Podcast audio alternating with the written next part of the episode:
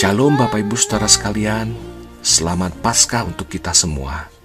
Sekalipun kemarin kita dipaksa untuk diam di rumah, beribadah bersama keluarga kita masing-masing, harapan saya itu sama sekali tidak mengurangi makna perayaan Paskah. Malah sebaliknya saya berdoa, pengalaman kita tahun ini merayakan Paskah di keluarga masing-masing itu semakin membuat kita menghayati arti punya pengharapan di dalam Kristus yang sudah mengalahkan maut. Kita punya pengharapan yang pasti bukan hanya untuk kehidupan saat ini, tapi juga untuk kehidupan setelah kematian. Puji Tuhan. Bapak Ibu Saudara, hari ini saya mengajak kita untuk merenungkan satu bagian firman Tuhan dari kitab Yesaya pasal 50 ayat 10. Saya akan membacakan di dalam dua versi terjemahan terjemahan baru LAI dan juga terjemahan bahasa Indonesia masa kini. Yesaya 50 ayat 10 Dengarkanlah firman Tuhan. Siapa di antaramu yang takut akan Tuhan dan mendengarkan suara hambanya? Jika ia hidup dalam kegelapan dan tidak ada cahaya bersinar baginya, baiklah ia percaya kepada nama Tuhan dan bersandar kepada Allahnya. Terjemahan Bahasa Indonesia masa kini. Hai kamu yang menghormati Tuhan dan mendengarkan perkataan hambanya, jalan yang kamu tempuh mungkin gelap dan tak ada cahaya yang bersinar bagimu. Tetapi percayalah pada Tuhan, bertopanglah pada Allahmu. Yang berbahagia adalah mereka yang mendengarkan firman Allah dan memeliharanya. Bapak Ibu Saudara sekalian, saya tidak tahu dengan Bapak Ibu Saudara apa yang Bapak Ibu Saudara rasakan hari-hari ini. Tetapi buat saya pribadi, Bapak Ibu, hari-hari ini rasanya begitu gelap Bapak Ibu Saudara. Kalau biasanya begitu mudah saya melihat hal-hal yang bisa disyukuri. Tapi belakangan ini Bapak Ibu Saudara, saya merasakan semakin sulit untuk melihat hal-hal yang bisa disyukuri. Ketika mengikuti berbagai pemberitaan di media tentang pandemi COVID-19 ini, bukan cuma di luar negeri, di berbagai belahan dunia, tetapi juga khususnya di Indonesia, di kota Bogor, Rasanya begitu gelap Bapak Ibu Saudara, begitu gelap gulita. Apalagi kemarin ketika hari Kamis saya punya kesempatan bersama dengan beberapa rekan penatua. Kita dari gereja membantu beras untuk warga di sekitar gereja. Kemarin kita sudah berikan sekitar 130 kakak door to door untuk menghindari perkumpulan massa. Lalu setiap membagikan ke rumah-rumah, saya sempat ngobrol sama warga di sana. Banyak yang sudah dua minggu tidak bekerja karena mereka pedagang mie ayam, karena mereka tukang parkir, buruh, dan lain sebagainya. Waduh, rasanya betul-betul gelap sekali, Bapak Ibu Saudara.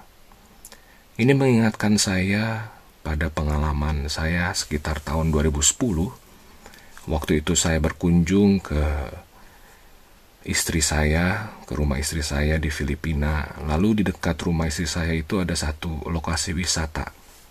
Namanya Sumaging Cave, ya, Gua Sumaging di daerah Sagada namanya. Bapak Ibu yang suka petualangan ini pasti suka sekali ke sini. Satu gua di bawah tanah yang sangat terkenal Bapak Ibu.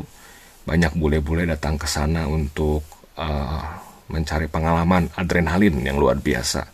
Karena kita masuk ke bawah tanah, itu kalau muter di gua bawah tanah itu sekitar satu setengah jam kita baru keluar lagi Bapak Ibu Saudara. Nah, saya ingat sekali Bapak Ibu, waktu itu saya ragu-ragu untuk masuk ke sana. Saya di depan gua itu, saya bersama istri dan juga adik-adiknya, ada dua orang Bapak Ibu. Saya masih bertanya, di depan gua itu mau masuk nih yakin begitu ya istri saya sih cuek-cuek aja begitu karena memang dia udah pernah masuk ke sana begitu ya sedangkan saya belum pernah bapak ibu yang saya lihat di dalam itu cuma gelap gulita Dan ya akhirnya kita masuk begitu ya. Akhirnya kami masuk ke dalam dengan satu guide, guide-nya anak asli situ. Dia hanya bawa satu lampu Petromax Bapak Ibu Saudara. Waktu masuk gelap. Saya bayangin ya Bapak Ibu ya, waktu masuk kalau ini lampu Petromax mati. Waduh, cilaka Bapak Ibu Saudara. Kita sebelum masuk udah di briefing sama guide ini dibilang, nanti ada beberapa tahap begitu ya.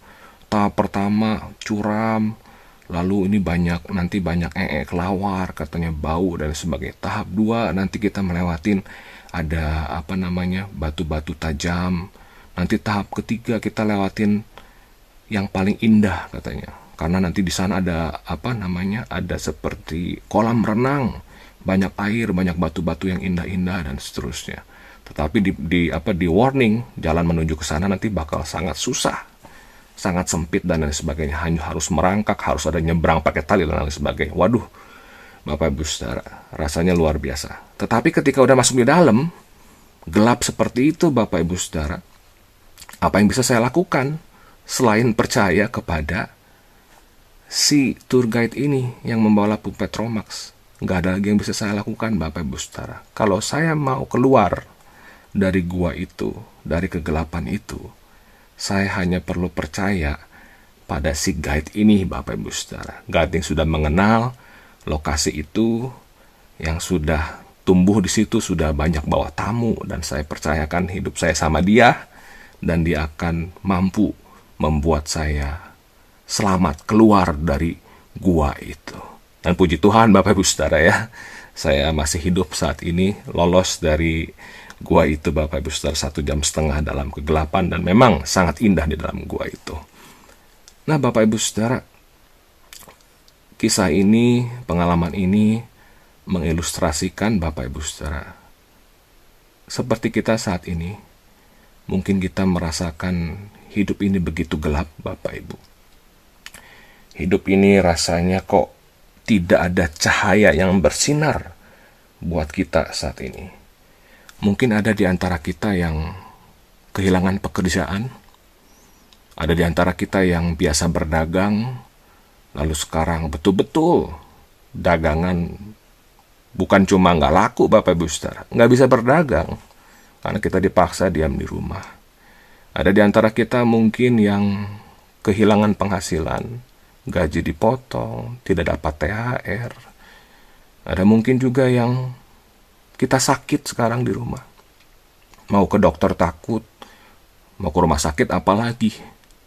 Rasanya begitu gelap gulita.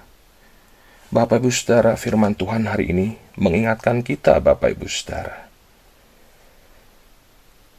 Mengingatkan kita jalan yang kita tempuh mungkin gelap dan tak ada cahaya yang bersinar bagi kita. Tetapi percayalah pada Tuhan bertopanglah pada Allahmu.